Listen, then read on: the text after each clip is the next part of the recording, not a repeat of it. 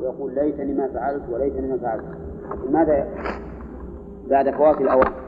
إلا أن الله تعالى قد جعل لكل ذنب توبة.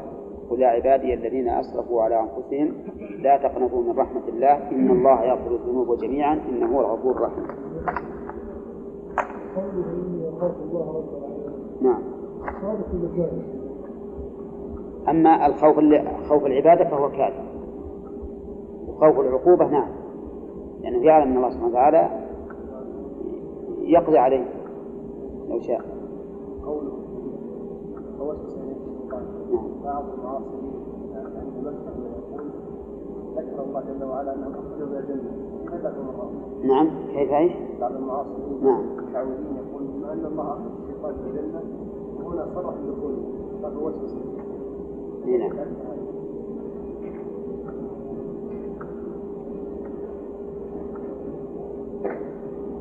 ابن آدم يجري من ابن آدم الشيطان يجري من ابن آدم مجرى الدم ولا ها؟ ها؟ لا لا نقول حسا ولكن ما نعلم كيفية ذلك وقد يكون الله أخرجه من الجنة من من الإقامة فيها والسكن أما أن الله تعالى يسلطه على آدم فيوسوس إليه على وجه عارض الله على كل شيء قدير والإنسان قد يمنع من السكنى دون المرور أو الإقامة حاجة تعظم مثلا اليهود والنصارى ممنوعين من السكنى في أرض الحجاز. لكن إذا مروا لإقامة لبيع, لبيع أو شراء لمدة محدودة ما فيها شيء وهو لو دخل ما ما دخل على مساكن نعم. قال يا آدم هل أدلك على أو بأن تكون مؤكدة لها. نحو قوله تعالى فمهل الكافرين أمهلهم رويدا. أين الجملة المؤكدة والمؤكدة؟ المؤكدة فمهل والمؤكدة أمهلهم رويدا. إذا فالجملتان بمعنى واحد لكن جاء الفعل مضاعفا في الأولى ومهموزا في الثانية من باب تغيير اللفظ فقط. نعم. ولا مهلهم وأمهلهم معناها واحد. وقوله أمهلهم رويدا لما كانت مؤكدة للأولى ما جاءت الواو. انظروا الآن لو كانت الآية الأولى أمدكم بأنعام أمدكم بما تعلمون وأمدكم بأنعام. اختلف المعنى. صارت الثانية غير الأولى والمقصود أن تكون الثانية هي الأولى. كذلك أيضا فوسوس إليه الشيطان وقال يا آدم. وقال يا آدم. يكون الذي وقع شيئان ولا شيء واحد؟ شيئان ومثله مهل الكافرين وأمهلهم. لكن لما لم تأتي الواو صارت الثانية هي الأولى لكن إما أن تكون بدلا أو بيانا أو توكيدا. ويقال في هذا الموضع إن بين الجملتين كمال الاتصال طيب وش ليش كمال الاتصال؟ لأن حقيقة الأمر أن الثانية ها هي الأولى ولهذا قلنا إن بينهما كمال الاتصال الله أعلم ما هو الوصل؟ هو عطف عطف شيء نعم. عطف جملة على أخرى بالواو. والفصل؟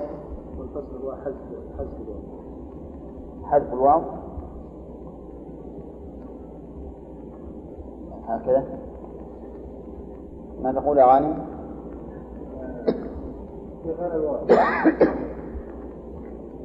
العطف بغير الواو. ما تقولون يا جماعة؟ نعم. عدم العطف. عدم العطف. عدم العطف بالواو صح. ها؟ ترك الواو لا عدم العطف بالواو ويشمل ترك العطف بالكلية ويشمل العطف بغير الواو أسباب الوصل والفصل تقدم لنا الرابع يقول أن تسبق جملة بجملتين. يصح عطفها على إحداهما لوجود المناسبة وفي عطفها على الأخرى فساد فيترك العطف رفعا للوهم. تسبق جملة تسبق جملة بجملتين. فالجمل إذن ثلاث يصح عطفها على إحداهما يعني على التي تليها والتي قبلها. ولكن إذا عطفت يقول في عطفها على الأخرى فساد فساد إيش؟ فساد معنى فساد المعنى فيترك العطف دفعا للوهم وتبقى الجملة الثالثة بدون عطف منقطعة ولا متصلة؟ ها؟ منقطعة لا, و... لا ليس فيها وصل مثاله وتظن سلمى أنني أبغي بها بدلا أراها في الضلال تهيم وتظن سلمى أنني أبغي بها بدلا. وين الجملتين؟ أين الجملتان عندنا؟ تظن وأبغي. الجملة الثالثة أراها أي أظنها.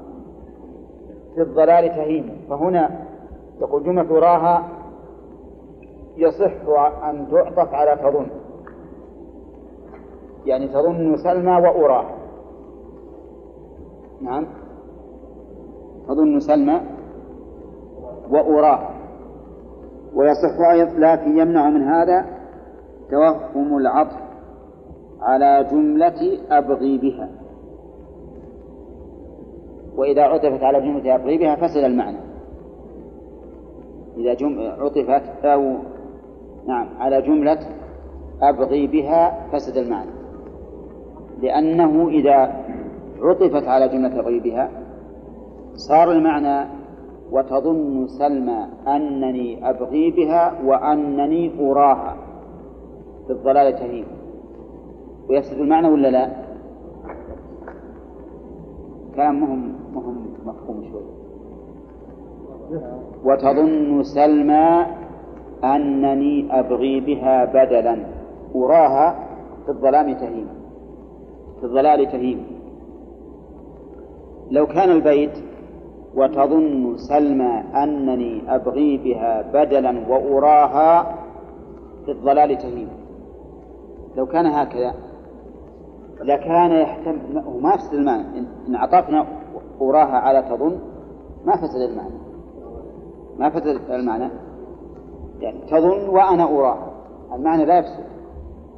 لكننا إذا عطفنا فإنه يحتمل أن يكون العطف على قوله أبغي. وحينئذ يفسد المعنى. يكون المعنى تظن أنني أبغي بها وتظن أنني أراها في الضلال تهيم والمعنى على هذا الوجه فاسد. ما قصده الشاعر. ما قصد أن يخبر بأنها تظن أنه يبغي بها بدلا وتظن أيضا أنه يراها. تهيم في الضلال. وإنما يخبر أنها تظن ويخبر أيضا أنه يراها. تهيم في الضلال. فإذا عطفنا فسد المعنى. فسد المعنى يقينا ولا بناء على الوهم؟ بناء على الوهم. فإذا نحذف العطف دفعا لهذا الوهم. نحذفه دفعا لهذا الوهم. هذا مثال. فما هي القاعدة؟ القاعدة أن تسبق جملتان وتأتي بعدهما ثالثة. إن عطفنا بالو... إن أتينا بالواو احتمل أن تكون معطوفة على الثانية مع فساد المعنى أو على الأولى مع فساد المعنى إذا كان المقصود أن الثالثة تبع للثانية.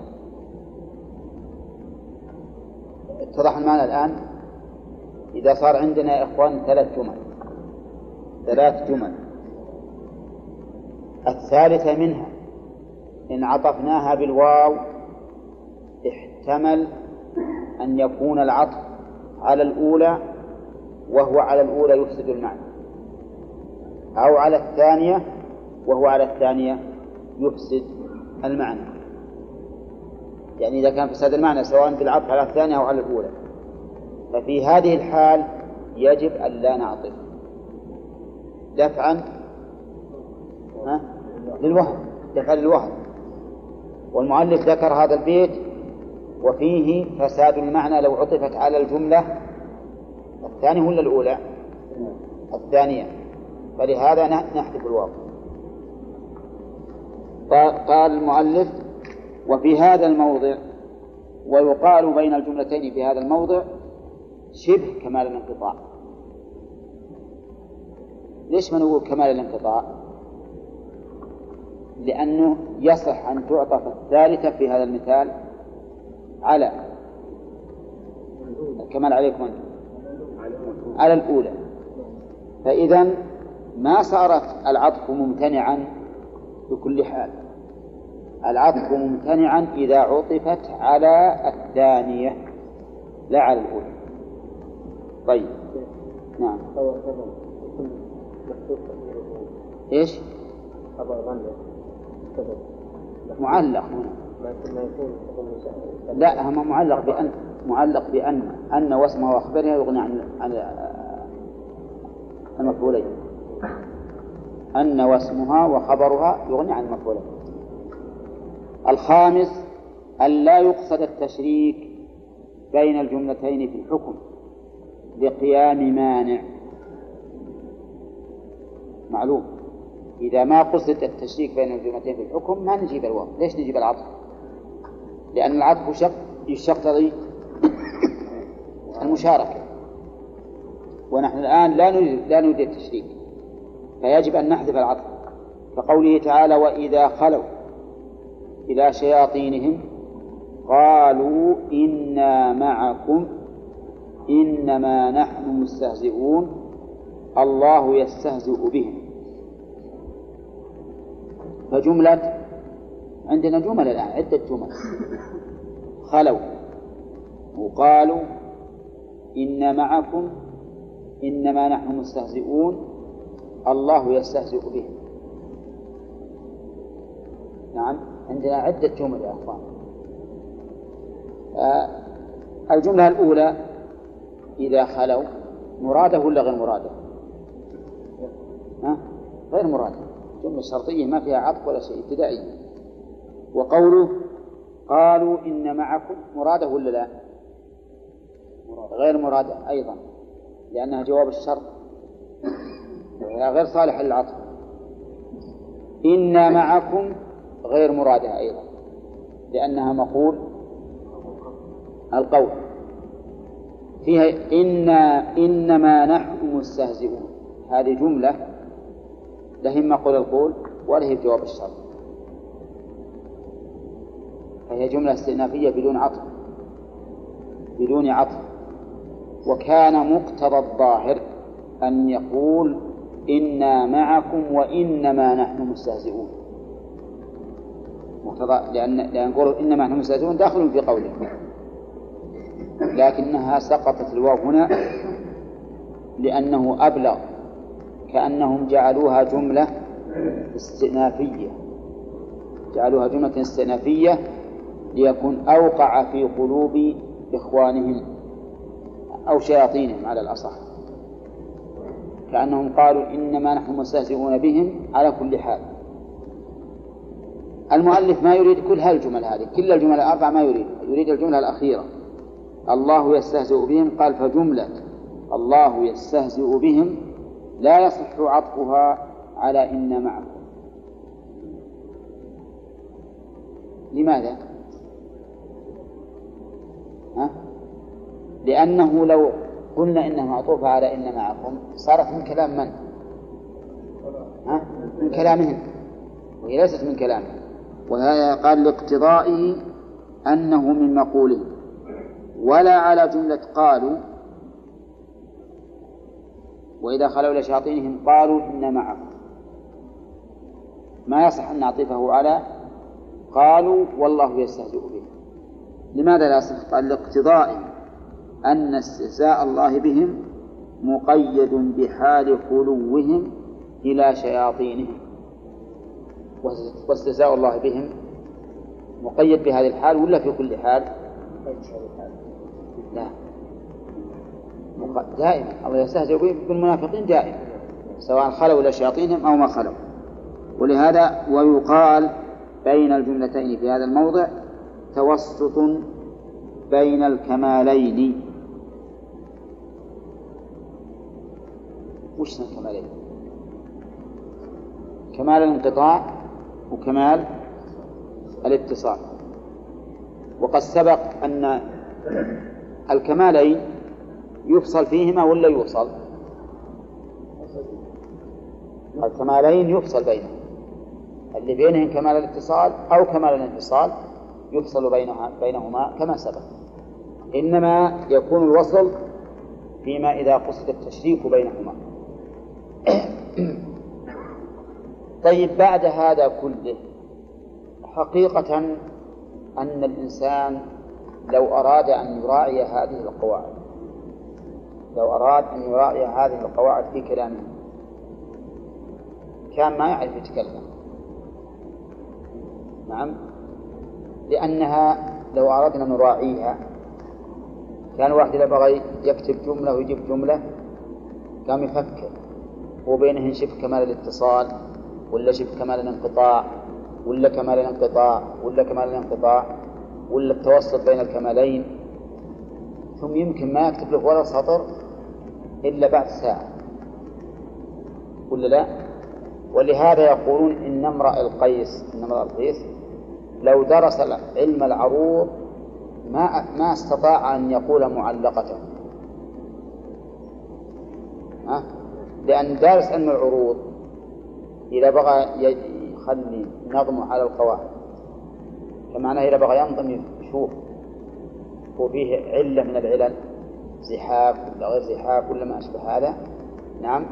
ومن يقدر مثلا بحوز عدله يا الله يجيب بيت سليم. لكن نحن نستفيد من هذه القواعد في البلاغة. نستفيد منها عندما نزن كلام الناس. إذا جانا كلام وقل ليش ما ما ما جعل هذا وصل أو هذا فصل؟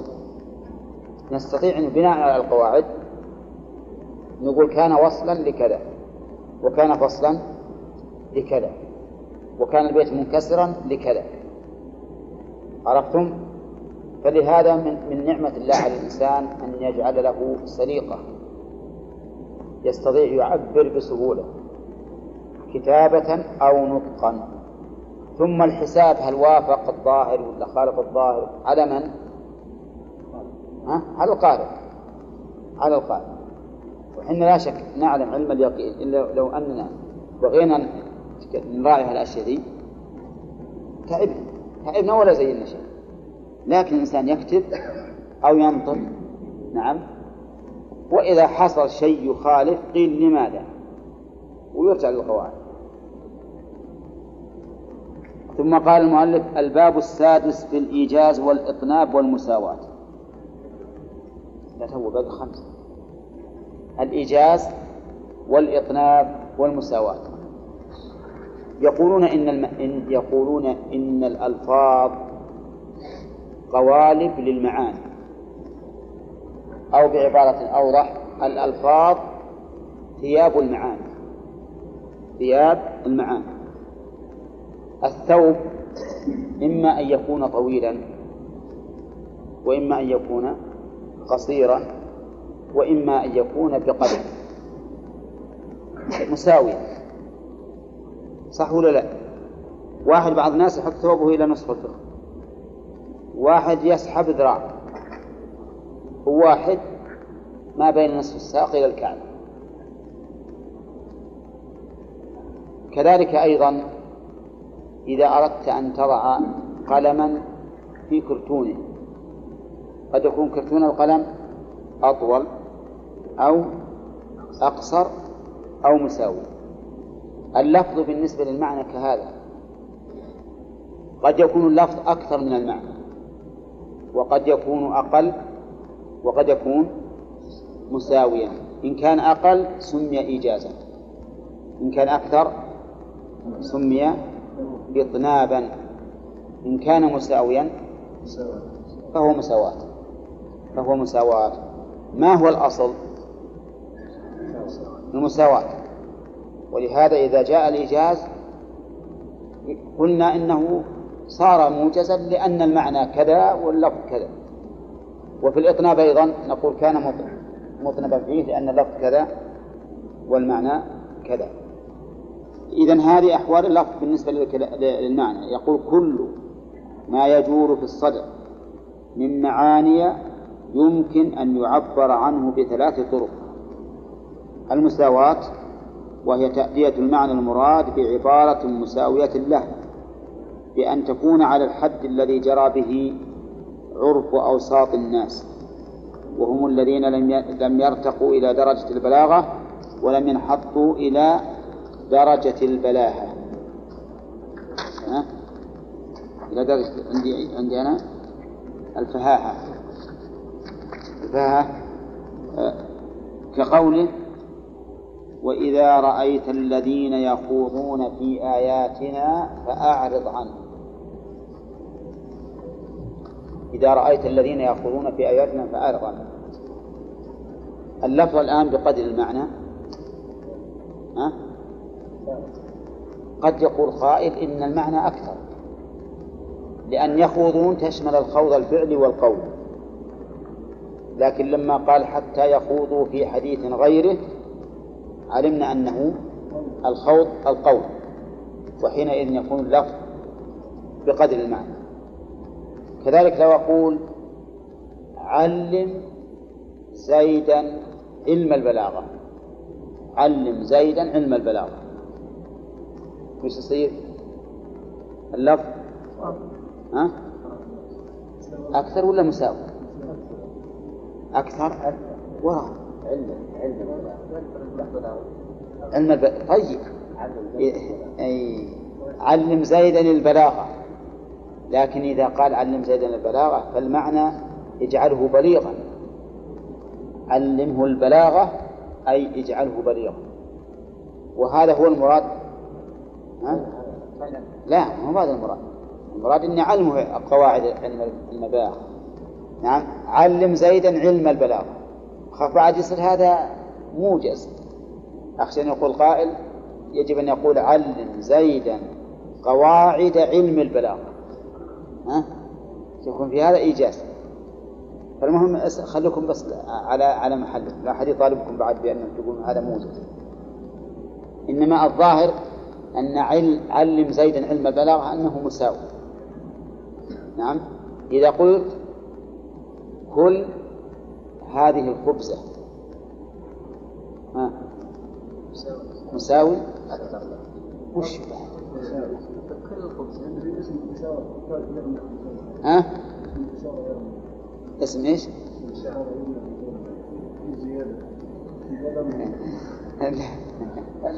أخاف كل هذه حسب قدام مسجل به أو ما يمكن. لا حول ولا إذا لو أقول كل الخبزة يعني تبي نحذف هذه؟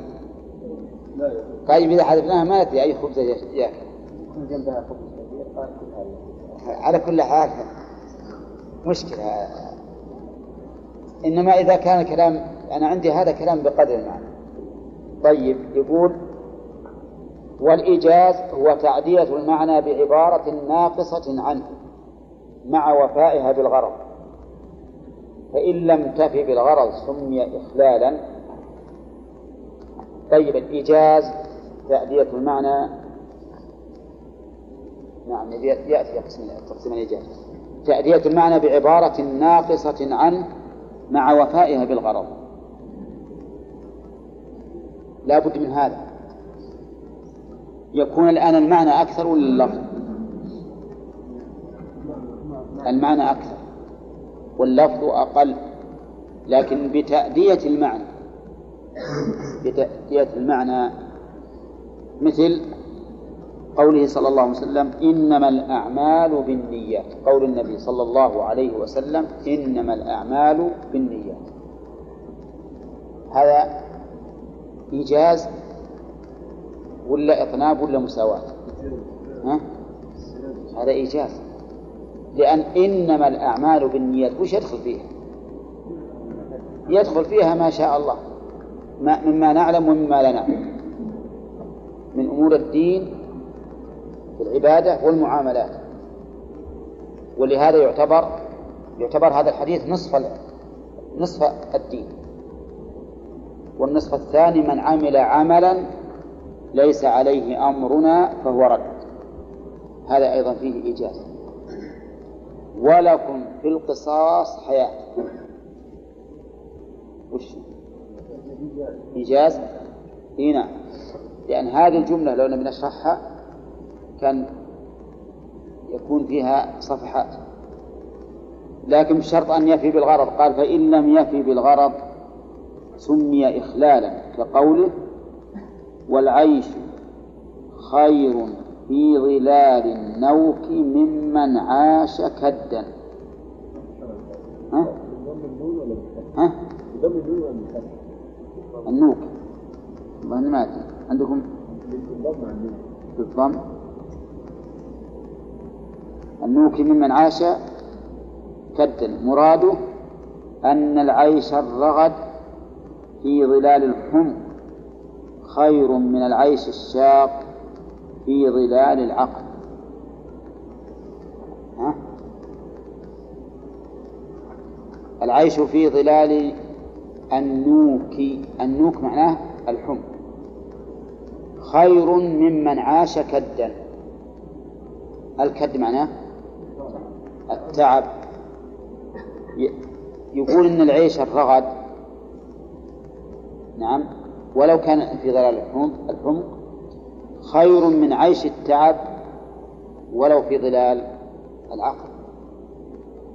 أنا عندي انحل بيت هذا كما أنه فيه إخلال ففيه إملال وفيه أيضا عدم بلاغة.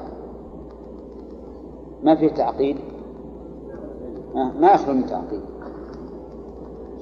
ولذلك الحقيقة أنه لو جاب غير هذا ممكن نجيب غير هذا المثال شيء فيه إيجاز لكن يخل بالمعنى. مثل لو قلنا مثلا أكرم الطلبة وقصدنا أن نكرم الطلبة المجتهدين. هذا فيه إيجاز لكن فيه إخلال بالمعنى المقصود لأن المقصود الطلبة المجتهدين فلو أن المخاطب أكرم الجميع وقال له المخاطب ليش تكرم الجميع؟ أنا ما قصدت إلا المجتهد كنا ما في كلامك ما يدل عليه فقال أنا إلا في كلامي ما يدل عليه لأن الإكرام إنما يكون لمن؟ ها؟ لمستحق وهو المجتهد أما طالب يجي عندي هم من يبدأان إستارة نعم ويزلب بالأوراق تارة وحملق باللي يدخل تارة. هذا يستحق أن يكرم ولا لا؟ ما يستحق. قال أنا قصدي المجتهدين نقول الآن هذا الإيجاز الذي قصدت الذي فعلت هو إيجاز مخل. ما بينت المراد. لم تبين المراد. وهذا يمكن يمر علينا كثيرا. بعض الناس يتكلم بإيجاز لكنه يكون مخلا غير واف بالمقصود. هذا لا يعتبر من من البلاغة في شيء. البلاغة إذا كان الإيجاز مؤديا للمقصود. أما الإطناب فيقول تأدية المعنى بعبارة ما علمتنا. يا سبحانك اللهم وبحمدك. أقل من المعنى. سمي إيجازا هذا إذا وفى إذا وفى بالغرض. فإن لم يفي بالغرض سمي إخلالا. إذا لم يفي بالغرض فإنه إخلال. وذلك لأن المخاطب لا يستفيد من هذا اللفظ. فيكون إخلالا في الكلام. الإطناب هو أن يكون اللفظ أكثر من المعنى أكثر أكثر من المعنى. فهذا يسمى إطنابا. فإن كان أكثر بدون فائدة وتعين الزائد فإنه ذكره المؤلف يقول الإطناب هو تأدية المعنى بعبارة زائدة عنه مع الفائدة. يكون لفظ أكثر من المعنى لكن لفائدة. مثال ذلك في القرآن كثير وحملناه على ذات ألواح ودسر. حملناه على ذات ألواح ودسر. يغني عنها ها؟ على الفلك. حملناه على الفلك لكن هذه هذا الإطناب له فائدة لفظية ومعنوية. اللفظية مراعاة الفواصل. لو قال حملناه على الفلك ما صار موافقا لفواصل السورة. المعنوية الإشارة إلى مواد الصنعة في السفينة. ليكون ذلك تعليما للناس. ما هي مادة صناعة السفينة؟ الألواح والدسر يعني المسامير. وهذه فائدة معنوية من هذا من هذا الإقناع. منه أيضا رب إني وهن العظم مني واشتعل الرأس شيبا. يغني عنه رب إني كبرت. رب إني كبرت. بالكم لكن المقام مقام دعاء. فيقتضي الإطناب بما يكون وسيلة للرحمة والعطف والرأفة بالداعي. لو قال إني كبرت ما يؤدي المعنى الذي يؤديه قوله إني وهن العظم مني. إذا خاطبك واحد بهذا الخطاب ترق له أكثر. نعم؟ لو قال والله يا فلان إني كبير كبير السن. كل النبي أكبر. إذا ما مات كبر لكن إذا قال لك والله عظمي وهن والرأس شفوه اشتعل شيبا يكون في قلبك رقة عليه أكثر. فهذا الدعاء مقام الدعاء ينبغي الإنسان أن يذكر جميع الوسائل التي تكون سببا في إجابة الدعاء. ولهذا تقول اللهم اغفر لي ذنبي كله دقه وجله سره وعلانيته وأوله وآخره. ويغني عن ذلك قولك قولك اغفر لي ذنبي بس لو ما قلت كله لأنه مفرد مضاف فيعم. لكن المقام مقام دعاء وإطناب مع الداعي مع المدعو سبحانه وتعالى. لأنه أي هذا المقام الإنسان كلما طال كلامه مع مع محبوبه يتلذذ به. طيب وهن العظم مني. أي العظام؟ ها؟ كله. ولهذا عظم الكبير يبطي ما يجب. يتأخر جبره وعظم الصغير؟ يلتحم سريعا. قوله اشتعل الرأس شيبا. اشتعل الرأس شيبا. اشتعل حريق. ها؟ شيبا. لكنه شبه انتشار الشيب بالرأس انتشار الحريق في الحطب قال اشتعل الرأس شيبا. وشيبا هنا وش نعرفها؟ تمييز محول عن الفاعل. عن الفاعل. محول عن الفاعل. والتقدير اشتعل شيب الرأس. طيب هذه وش نسميها؟ نسميها إطنابا. لأنه زاد اللفظ على المعنى لفائدة لا لا كل الجملة بدل ربي إني كبرت قال ربي إني وهن العظم مني. واشتعل رأسي. إيه؟ يعني تقدير لبيان معرفة أنه محول عن الفاعل. يكون شيء بالرأس إيه. إيه. يعني يعني الناس معدن شيء بالرأس اي المعنى ان, إن اصله إن الذي يشتعل هو الرأس الشيء. هو الشعر يشتعل بالشيء. شيء. هو ما الذي يشتعل الآن؟ الشعر. الشعر؟ آه يشتعل بشيء أو الشيء. يعني الشيء يشتعل؟ نعم يز- يعني ينتشر. مثل ما النار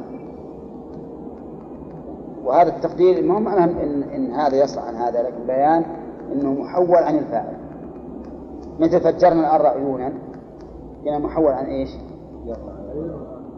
عن عن عن المفعول ومع ذلك لا تعطي الجملة. فجرنا عيون الأرض لا تعطي ما تعطيه قوله فجرنا الأرض عيونا أولى أيهن أعظم؟ فجرنا عيون أعظم كأن الأرض كلها صارت عيون. لكن إذا قلنا فجرنا عيون الأرض معناه أن العيون اللي في الأرض تفجرت فقط. معناه أن إذا قلنا محول عن الفاعل أو عن المفعول لا يلزم منه مساواة المقدر للموجود. مو بلازم. أقول لماذا لا نقول آه، فجرنا الأرض عيونا. نعم. تكون الأرض كلها تفجرت أي نعم نعم. ولهذا فارق التنور التنور له محل الوقود. كل الأرض بدأت تطلع ماء قال آه، فإن لم فإن لم فإن لم تكن في الزيادة فائدة سمي تطويلا إن كانت الزيادة غير متعينة وحشوا إن كانت إن تعينت إذا صارت الزيادة ما لها فائدة ولا أفادت معنى جديدا فإن ذلك يسمى إيش يسمى؟ يسمى حشوا إن كانت الزيادة غير متعينة كذا. وإلا حشوا نقول إن تعينت. إن كانت زيادة غير متعينة سمي تطويلا إن كانت الزيادة غير متعينة. وحشوا إن تعينت. نعم صح. إذا كانت الزيادة غير متعينة فهو تطويل. وإذا كانت متعينة فهو حشو. وش معنى غير متعينة وغير متعينة؟ يعني إذا كان تعرف أن الزائد في هذا الكلام هذه الكلمة بعينها وش تسميه؟ تسميه حشوا إذا كان حدث حدث الكلمة زائدة ولم تتعين فسمه تطويلا. سميه تطويلا. مثال التطويل. وألفى قولها كذبا ومينا. الكذب هو المين أين الزائدة؟ ما ندري. ما ندري هي الأولى ولا الثانية أولى يعني لو قلت فألفى قولها مينا. صح. فألفى قولها كذبا. يصح؟ إذا ما ندري الزائد. فيكون هذا تطويلا. يسمى تطويلا لأنه ما تعينت الزيادة. طيب إذا إذا تعينت الزيادة يسمى حشوة.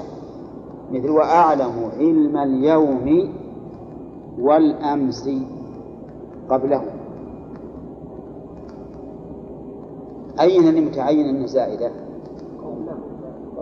قوله قبل. قبله. لأنك إذا قلت وأعلم علم اليوم والأمس. هل أحد يتصور أن الأمس اللي يجي بعد غد بعد اليوم؟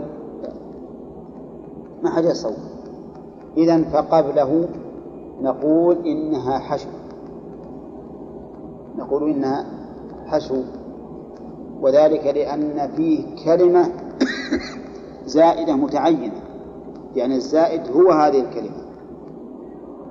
فيكون هذا حشوا طيب لو قال قائل هذه الكلمة فيها فائدة.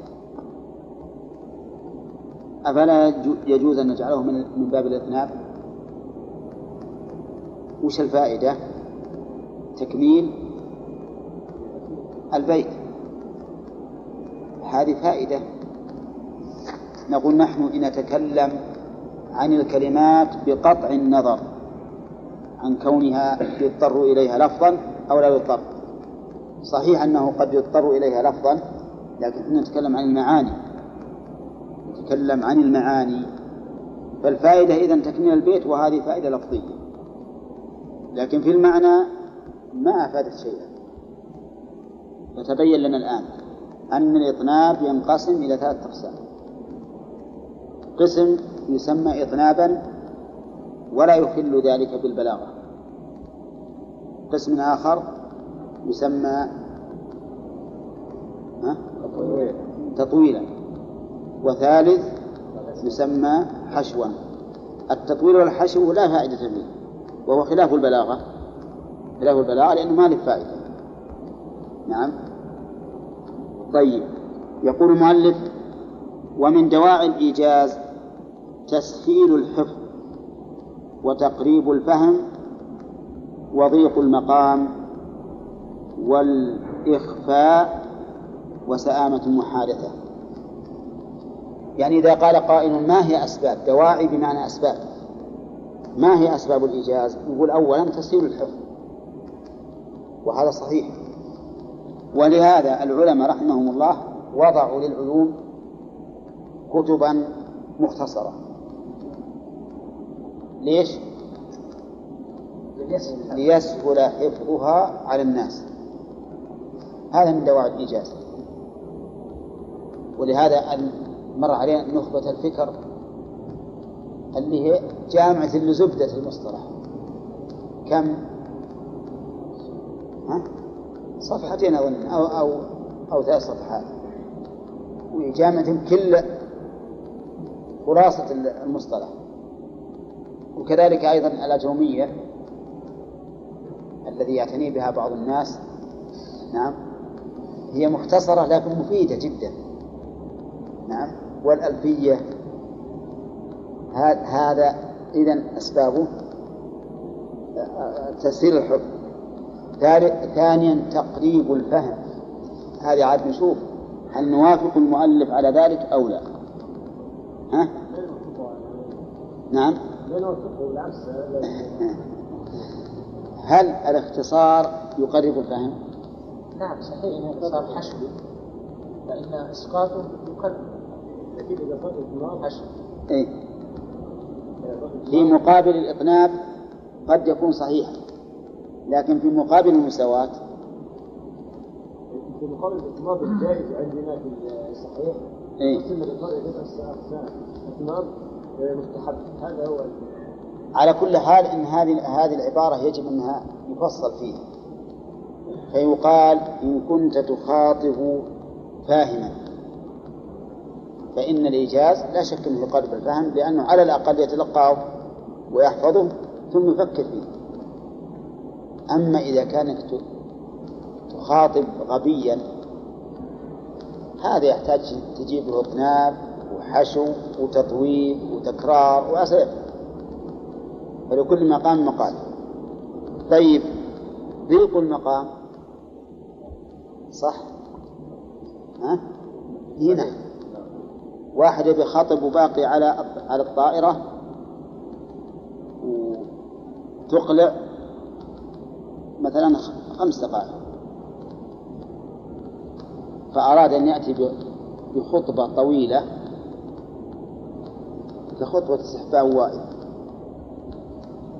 وش يصير هذا؟ يصلح؟ بلاغة هذه ولا غير بلاغة؟ قول. ما هي بلاغة؟ ما دام إن المقام ضيق اختصر بقدر الإمكان. ولهذا عندما عندما يكون الإنسان منذرا عندما يكون الإنسان منذرا لشخص من هلكة. مثلا واحد أقبل على حفرة عميقة وهو أعمى أو في الليل أو ما أشبه ذلك. أردت أن تنذره.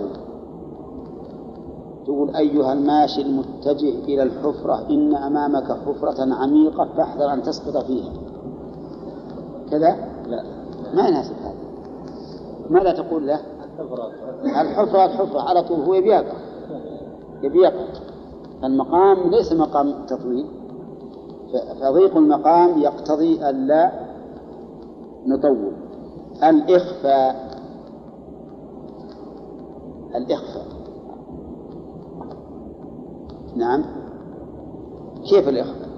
يعني واحد بيكلم صديقا له بكلام ما وجده يدرون الحاضرون عنه. فقال ذبحنا الرجال. نعم. الرجال بينهم كبش معروف عندهم. نعم. فبدل ما يقول الكبش اللي شريناه من المكان الفلاني خرجت به وذبحته. قال ذبحنا الرجال.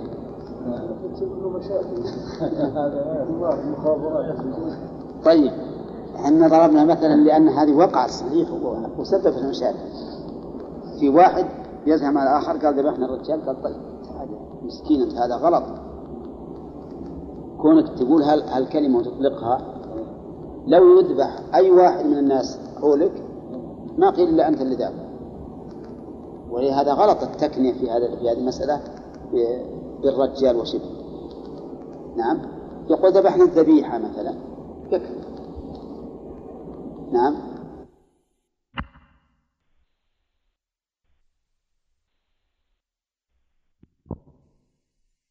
تجد أن المخاطب عنده السأم. إما لأمر في نفسه أو لأمر خارجي. المهم أنك تجد أن الرجل عنده سآمة فهل في هذا المقام يناسب أن تطول؟ ها؟ لا. الجواب لا. فإذا وجد وجدت من صاحبك أنه سئم من المحادثة فاختصر. وهل تسمحون لنا أن نقول إن هذا يسري على التدريس أيضا؟ إذا شفت الجماعة هذا ينعس وهذا يلتفت وهذا يتململ. ما تختصر؟ لا ها؟ والله أنا ما أدري أنا رأيي حتى حتى في الدراسة. حتى في الدراسة. ها؟ وش أسوي؟ إذا صار اللي, أمامك كلهم تعبانين.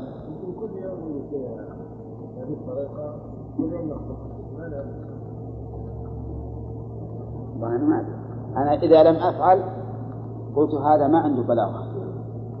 إذا طولت مع المحادثه قلت هذا ما عنده بلاغة. ننظر للموضوع. لو تسولف على والخارج عليه يصير مشروع لكن قال الرسول صلى الله عليه وسلم كذا كذا. النوم. صحيح. صحيح. هو على حسب المحادثة على حسب الموضوع حسب حال الشخص وتقبله. طيب من دواعي يقول من دواعي الإطناب تثبيت المعنى.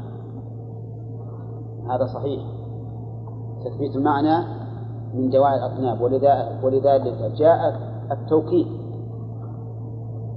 التوكيد اللي هو تكرار لفظ مرة أو مرتين أو توكيده بالمعنى نفسه وعينه وجاء القوم أجمعين أكتعين أبصعين كل هذه توكيدات فقد يكون من دواعي من دواعي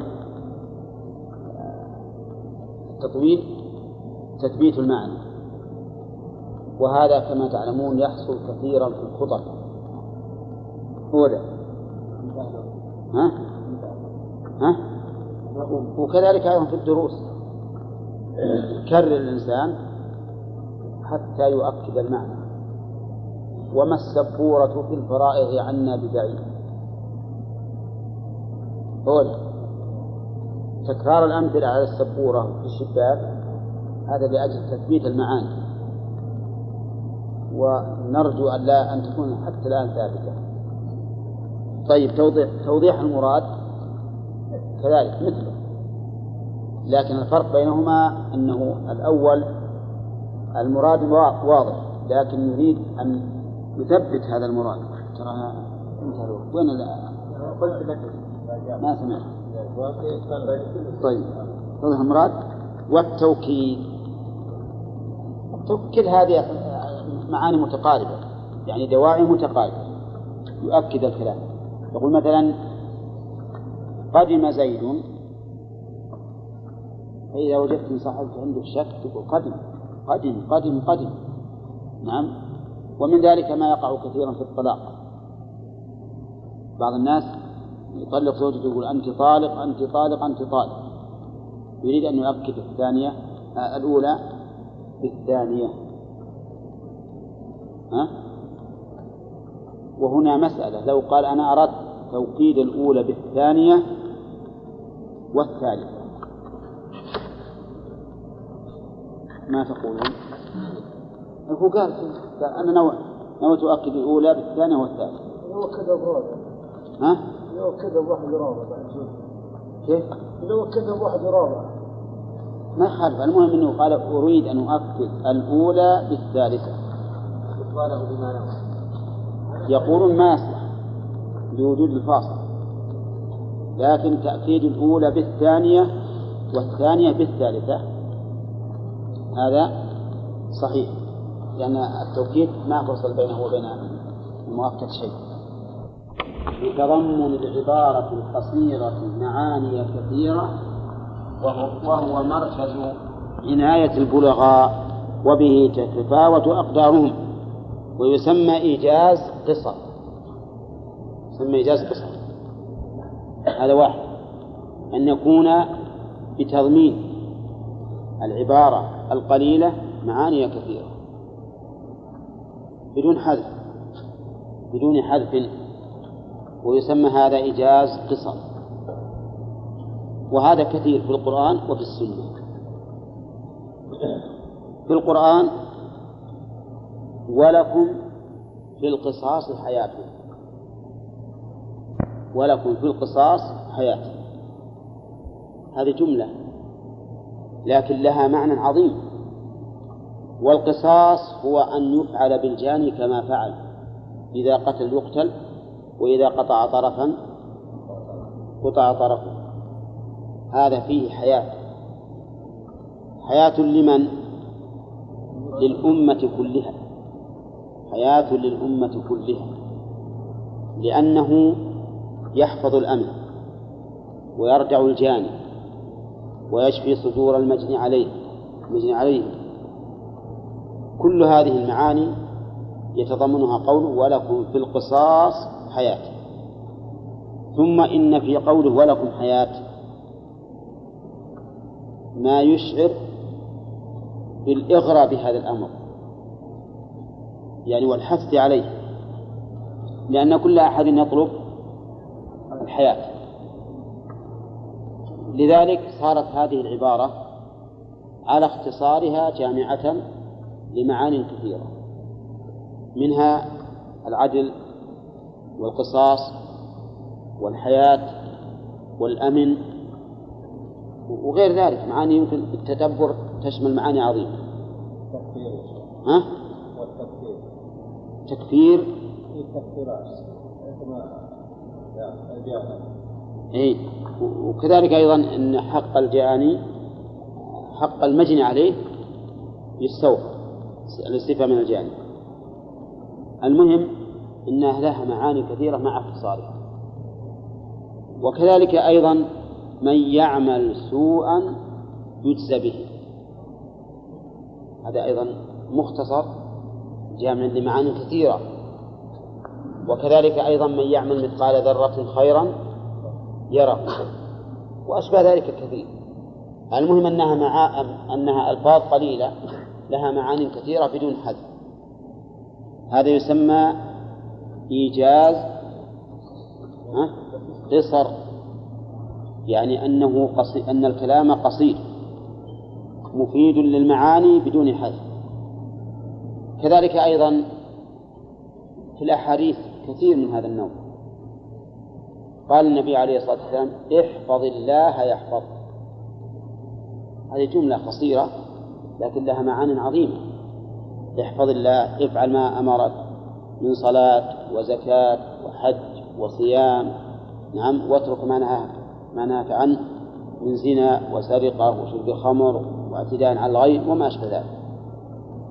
يحفظ في دينك وأهلك ومالك في دنياك وأخراك. كل هذا يتضمن مع أنها كلمات بسيطة. جملتين. احفظ الله. هذه جملة. يحفظك. هذه الجملة الثانية. وكذلك إنما الأعمال بالنيات. وش يدخل فيها من المسائل؟ ها؟ ما لا نهاية له ما لا نهاية له. هذا يسميه العلماء إيجاز قصر. كذلك أيضا الحرب خدعة. هذا فيه إيجاز قصر. خدعة وش يدخل فيها؟ كل ما يمكن أن تخدع به عدوة. من قول أو عمل أو كلام يعني تدس عليه أو غير ذلك. نعم. يعني أكثر لا؟ لا أن يكون كلام. معاني كثيرة. يكون كلام. يعني تضمن أكثر من معنى إي تضمن أكثر من معنى اللي, ما تعمل ما ما ما, ما تضمن إلا معنى واحد هذا مساواة. ولهذا يقول المؤلف معاني كثيرة معاني كثيرة.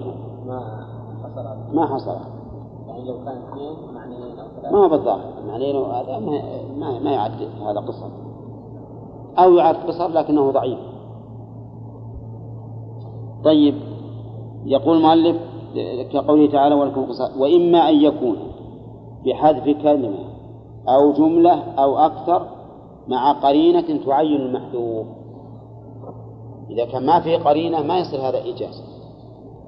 تقدم أنه يكون إخلالا أنه يكون إخلالا بدون قرينة. لكن مع قرينة إذا كان إيجاز بحذف كلمة أو كلمتين أو جملة أو جملتين. هذا يسمى إيجاز لكنه إيجاز حذف. لماذا؟ لأن في الكلام شيئا محذوفا. مثال الكلمة قوله تعالى أم اتخذوا آلهة من الأرض؟ هم ينشرون. هذا في حذف كلمة. وهي الهمزة. أهم ينشرون. أهم ينشرون. فهذه فيها حذف كلمة. ومثل قوله تعالى قالوا تالله تفتأ تذكر يوسف. حتى تكون حرضا. تالله تفتأ تذكر يوسف حتى تكون حرضا. المعنى لا تفتأ تذكر يوسف حتى تكون حرضا. هذا حذف إيش؟ ها؟ كلمة. لكنها معلومة. معلومة لها قرينة. ومثل ذلك أيضا قول الشاعر فقلت يمين الله أبرأ قاعدا ولو قطعوا رأسي لديك وأوصالي فقلت يمين الله أي علي يمين الله. أبرح أي لا أبرح لا أبرح حذفت هنا كلمة ولا كلمتان؟ كلمة واحدة. لكن مع الدليل مع الدليل يعني أبرح من أخوات كان. الملازمة لإيش؟ للنفي لأن معنى لا أبرح وأفعل كذا أي لا أزال. أفعل كذا فهي من أفعال الاستمرار. ومثال حذف الجملة كقوله تعالى وإن يكذبوك فقد كذبت رسل من قبل وفيه أيضا غير هذا أوضح من كلام المؤلف. قوله تعالى ومن كان مريضا أو على سفر فعدة من أيام أخرى. وش التقدير؟ فأفطر. فأفطر. فعدة من أيام أخرى. وهذه فيها كلمة جملة. وجزء جملة. فيها جملة وجزء جملة. فأفطر جملة. وجزء الجملة فعليه عدة من أيام أخرى فعليه عدة من أيام أخرى نعم. طيب. قال مثل المؤلف بقوله وأن يكذبك فقد كذبت رسل من قبلك أي فاصبر فتأس واصبر لأنه معلوم أن الله سبحانه وتعالى ما قال للنبي عليه الصلاة والسلام هذا الكلام إلا لأجل؟ أن يصبر ويتسلى بمن سبقه ويتأسى بهم فيهون عليه الصبر. طيب. ومثال الحذف الأكثر نحو قوله تعالى فأرسلون يوسف أيها الصديق. فأرسلون. أنا أنبئكم بتأويله فأرسلون. يوسف أيها الصديق. هل كان يوسف حاضرا؟ ها؟ لا. إذا لابد هناك حذف. يستقيم به الكلام. المعنى فأرسلوه فذهب إلى يوسف فدخل عليه وقال يا يوسف أيها الصديق. شوف شلون كلها كلمات. نعم. أولى. طيب ولهذا يقول أي أي أرسلوني. إلى يوسف لأستعبره الرؤيا ففعلوا فأتاه وقال له يا يوسف. حوالي سطر. لأنه مفهوم من السياق. وهذا أعني إيجاز الحذف كثيرا ما يقع في القصص. يقع في القصص كثيرا في قصص القرآن وغيره وذلك لأن القصة يعلم ما فيها. يعلم ما فيها بالسياق. فسهل أن نحذف منها ما دل عليه السياق. طيب. نقرأ الإطناب ولا ها؟ لا اثنتين إلا خمسة اثنتين إلا خمسة الحرف يسمى إيه؟ لا الحرف يسمى كلمة. قال ابن مالك ها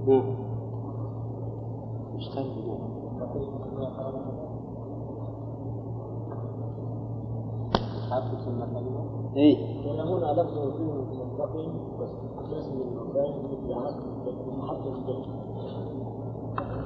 لا.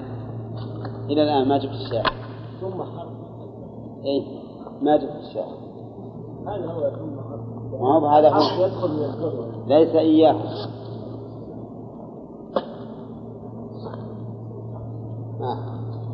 واسم وفعل ثم حرف الكلمة. إلى الآن ما جاء واحدة كلمة. الحين جاء. واحدة كلمة. واحد الكلم ولا الكلمة؟ واحد الكلمة. في إيجاز القصر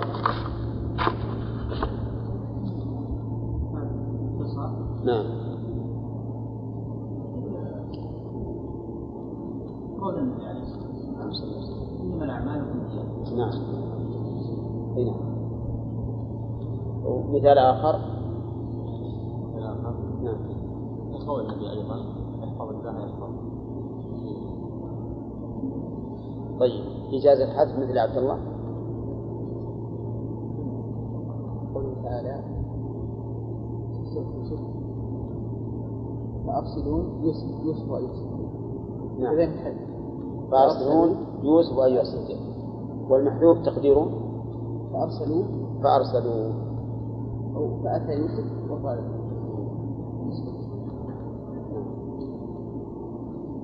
طيب أقسام الإطناب. يقول الإط- الإطناب يكون بأمور كثيرة. والإطناب ذكرنا فيما سبق أن يكون اللفظ أكثر. من المعنى. يكون بأمور كثيرة. أولا منها ذكر الخاص بعد العام.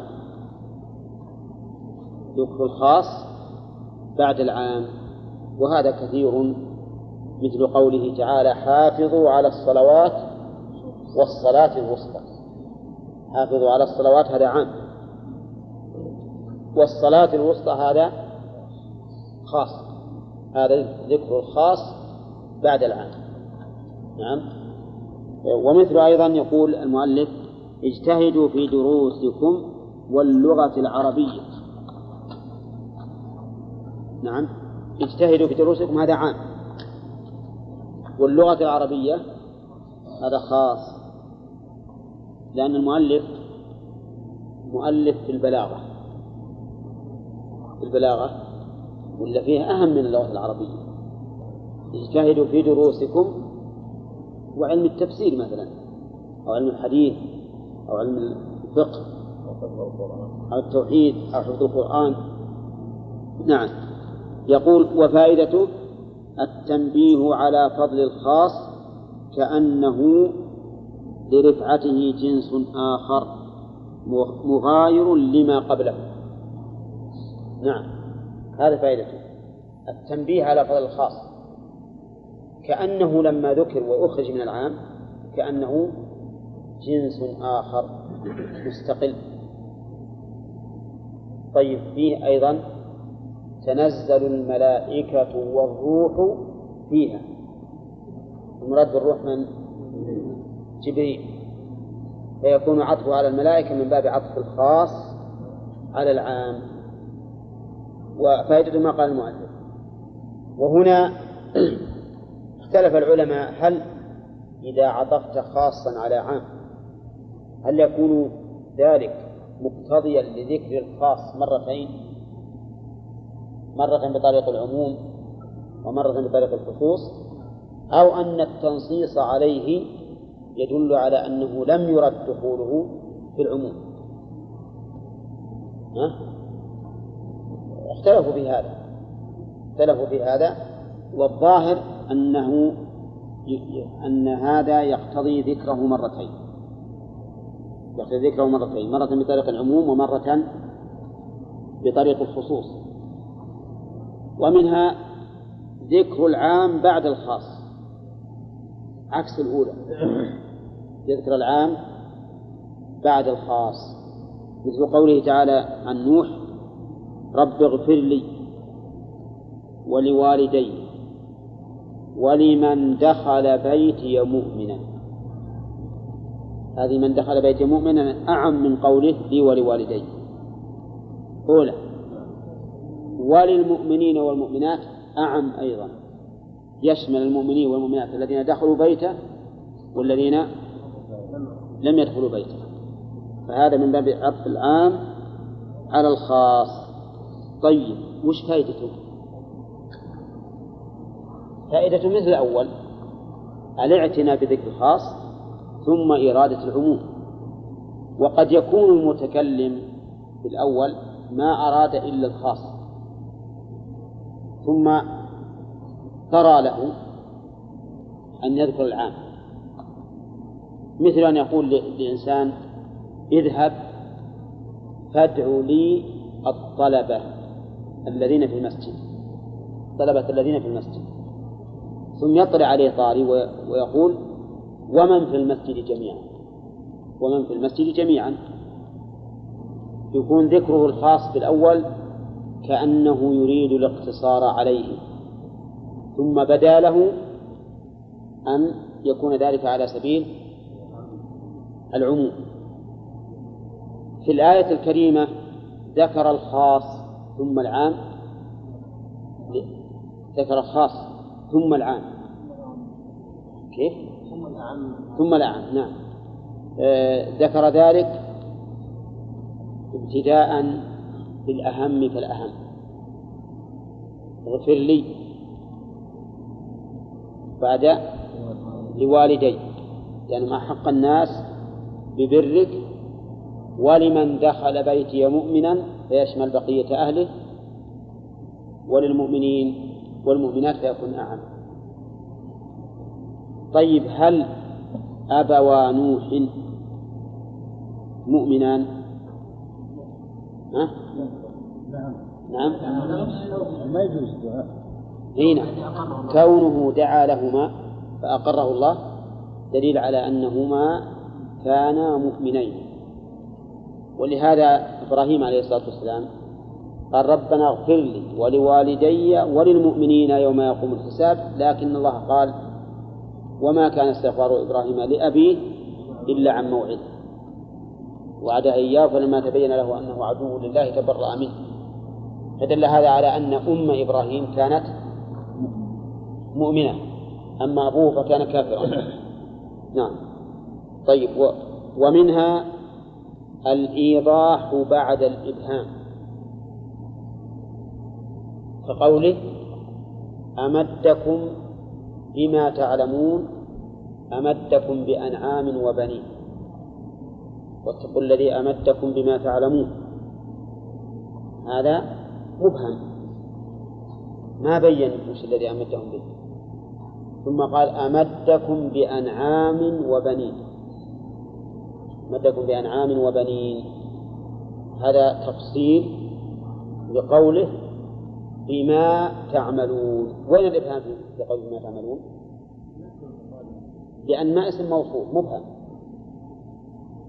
أمدكم بأنعام وبنين؟ هذا مفصل. فيكون هذا من باب إيش؟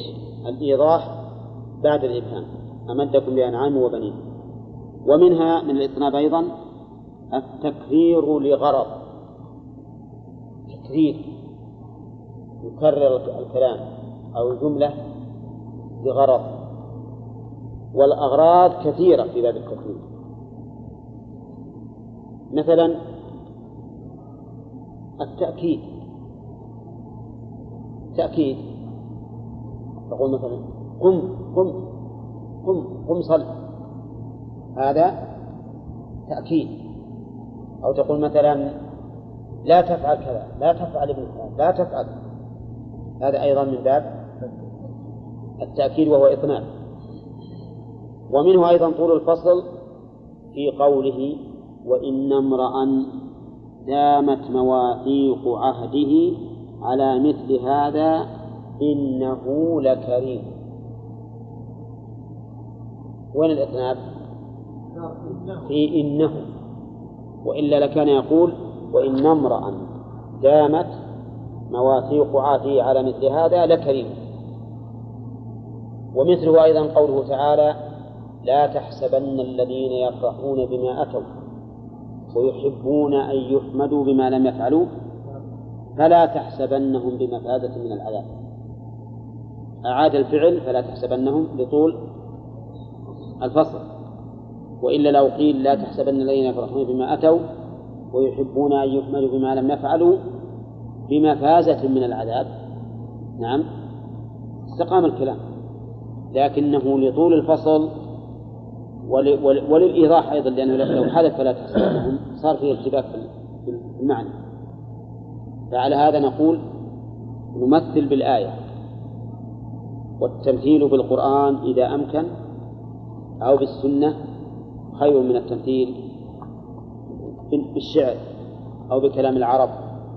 لكن أحيانا المؤلف ما يستحضر عند عند كتابة المثال ها؟ غير مثلا ما, ما, ما كتبه من كلام العرب أو من كلام الشعراء. نعم. والمقصود بالتمثيل ما هو؟ الإيضاح. ولهذا إذا أعوزتك الأمور ما وجدت مثال في القرآن ولا السنة تجيب؟ تجيب من عندك. ما في مانع. المقصود هو إيضاح القاعدة. طيب وكذلك أيضا وكزيادة الترغيب في العفو في قوله تعالى إن من أزواجكم وأولادكم عدوا لكم عدوا لكم فاحذروه وإن تعفوا وتصفحوا وتغفروا فإن الله غفور رحيم. إن من أزواجكم وأولادكم عدوا لكم ما فيها شاهد. وهنا قال إن من أزواجكم. ومن هنا للتبعيض يعني بعض الأزواج لا كلهم والأولاد. وقوله وإن تعفوا وتصفحوا وتغفروا فإن الله غفور رحيم.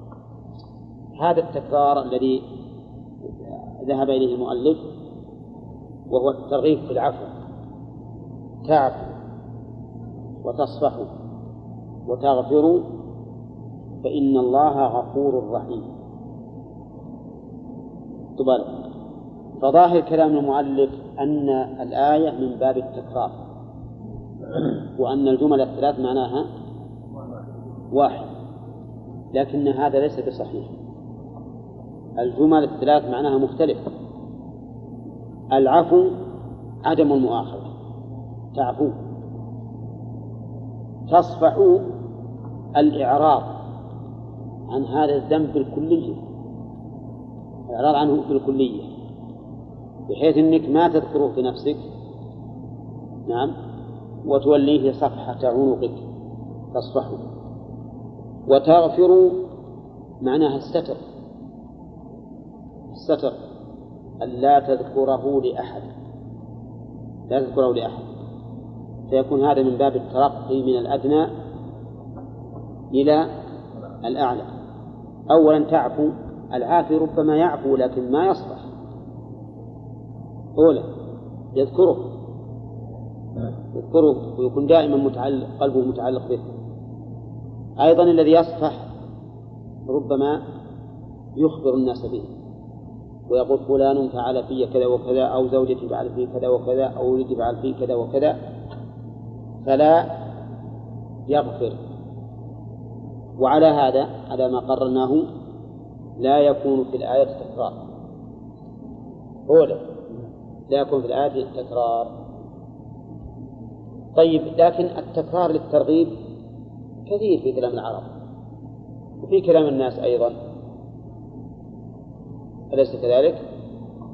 يكرر لأجل لأجل زيادة الترغيب. هل منه قوله تعالى يا أيها الذين آمنوا آمنوا بالله ورسوله؟ ها؟ لا. لا. ما هو منه. لأن آمنوا بالله أي أثبتوا عليه واستمروا عليه. نعم. طيب إذا التمثيل في هذه الآية ها فيه نظر ولا يصح. طيب يقول وكتأكيد الإنذار في قوله تعالى كلا سوف تعلمون ثم كلا سوف تعلمون. هذا صحيح. فإن قوله كلا سوف تعلمون. فهذا كافي في الوعيد. لكن ثم كلا سوف تعلمون هذا زيادة في التوكيد. توكيد الإنذار لهؤلاء المكذبين الذين ألهاهم التكاثر عما يجب عليهم من طاعة الله سبحانه وتعالى. طيب قوله كلا لو تعلمون علم اليقين لترون الجحيم. كثير من الناس يصل هذه بهذه. فما رأيكم؟ ها؟ خطأ. خطأ. خطأ. أولا لأنها آية مستقلة. وثانيا لأن المعنى يختلف. يختلف اختلافا بينا لأنه إذا قال كلا لو تعلمون علم اليقين لترون. ها؟ معناه أن ما, ما يرون الجحيم إلا إذا علموا علم اليقين وليس الأمر كذلك. بل جواب لو محذوف. لو تعلمون علم اليقين ما ألهاكم التكاثر عن طاعة الله. ثم استأنف وقال لا ترون. والجملة هنا واقعة بجواب القسم. أي والله لا ترون.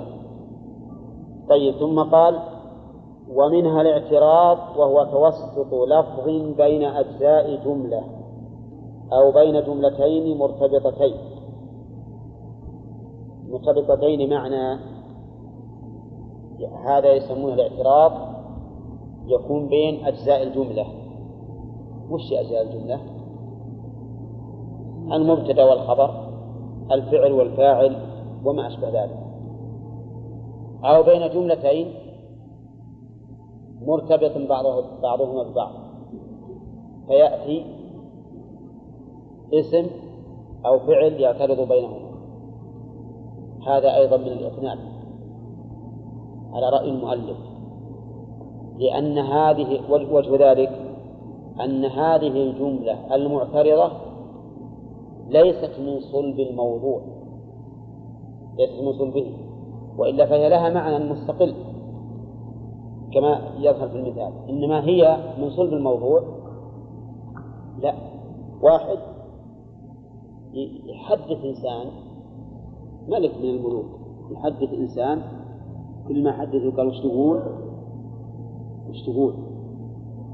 يرفع صوته. وش تقول؟ ما أسمع. قال وش بلاك؟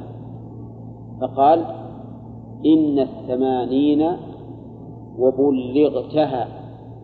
قد أحوجت سمعي إلى ترجمان الأصم يحتاج إلى مترجم. قول.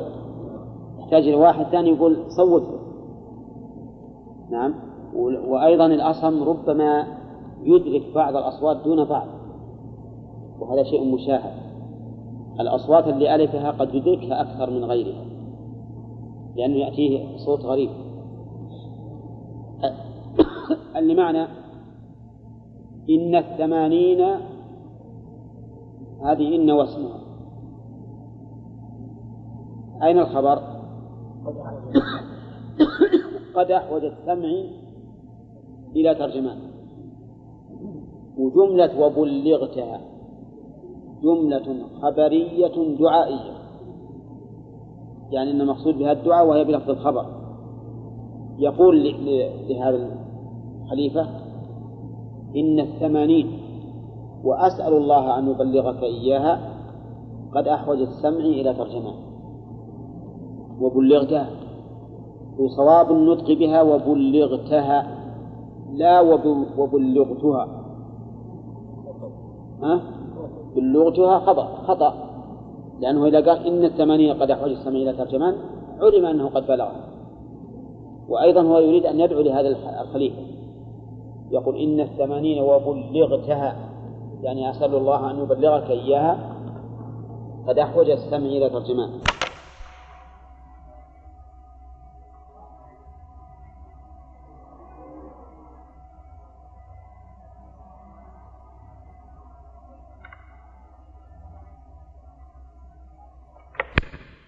ثمانين سنة. لكن دعاء للخليفة. ها؟ دعاء للخليفة. يعني يدعو إن الله انه إنه يبلغ الثمانين يطول عمره. عندنا بدل هذا نقول طول الله عمرك. طيب يبغى يصير ترجمان مثلا. ها؟ يبغى يصير ترجمان مثلا. لا لا لا.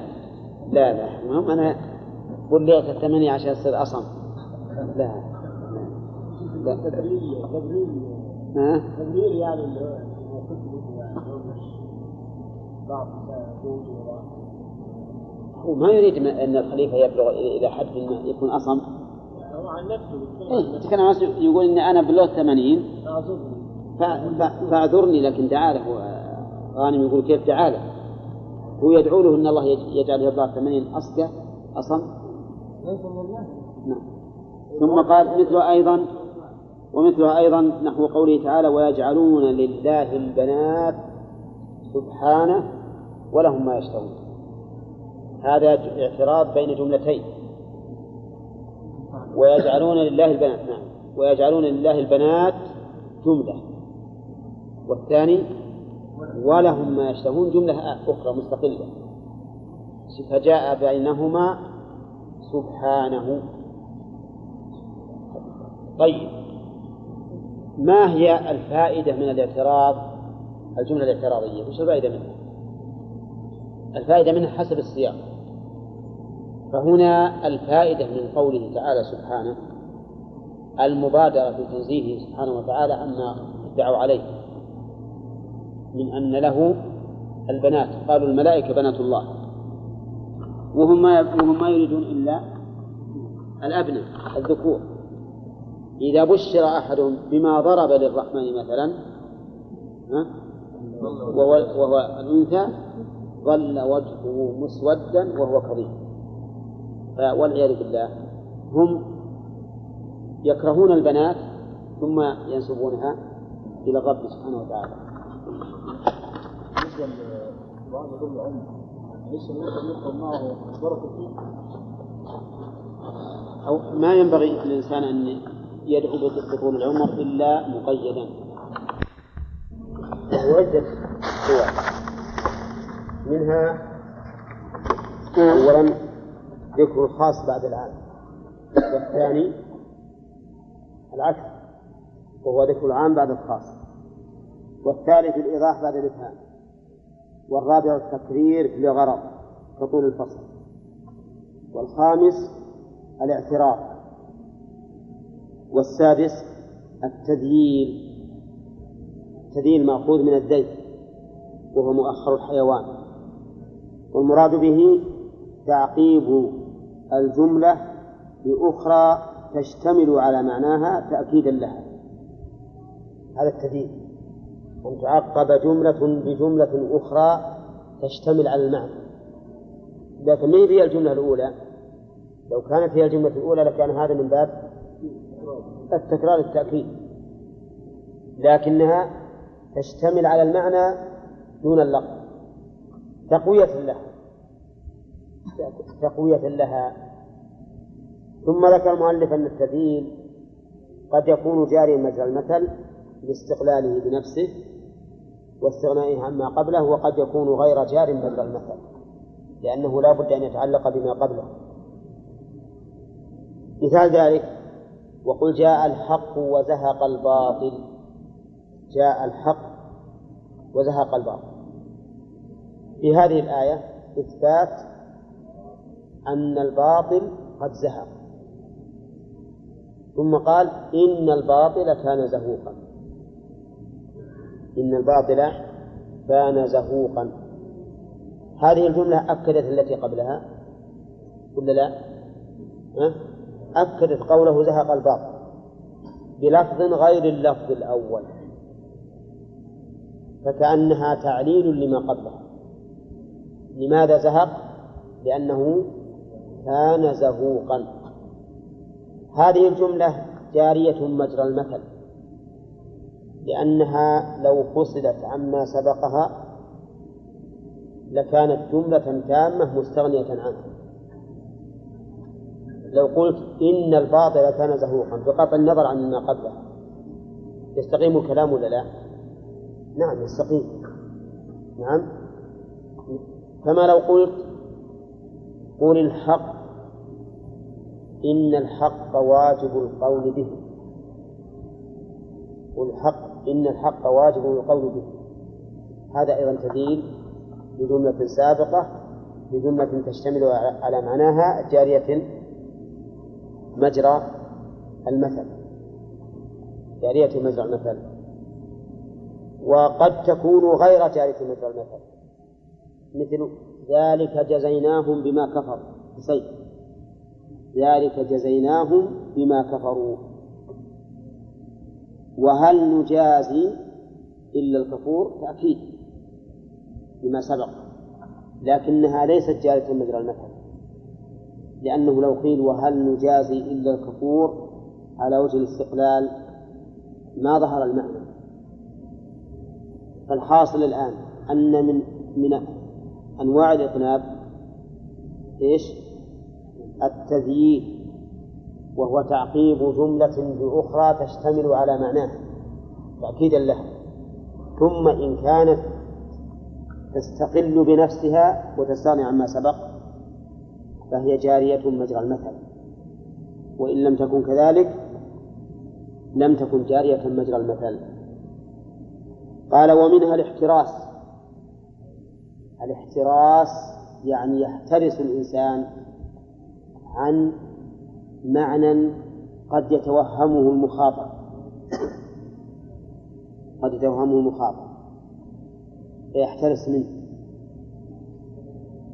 مثل قوله تعالى لا يستوي منكم من أنفق من قبل الفتح وقاتل أولئك أعظم درجة من الذين أنفقوا من بعد وقاتلوا. بعده وكلا وعد الله الحسنى. لولا هذا الاحتراس لكان يتوهم الإنسان بأن الذين تأخر إسلامهم وإنفاقهم نعم محقق رتبتهم وليس لهم وعد بالحسنى. ولهذا قال وكلا وعد الله الحسنى. ومنها أيضا قول الشاعر سقى ديارك غير مفسدها. صوب الربيع وديمة تهمي سقى ديارك وين فاعل سقى؟ لا موجود. لا. ها؟ صوب الربيع. صوب فاعل سقى وقوله غير مفسدها هذه حال. يعني حال كونه غير مفسدها ويجوز أن تكون استثناء. المهم أنه قال سقى ديارك صوب الربيع. يعني المطر النازل في زمن الربيع. هذا المطر النازل قد يسقي الديار ولكن يفسدها. وشوبه إيه في الهدم وإغراق الزرع وما أشبه ذلك. فلما قال غير مفسدها احترس وهذا في الحقيقة أنا عندي أنه للحشو أقرب منه للإقناع.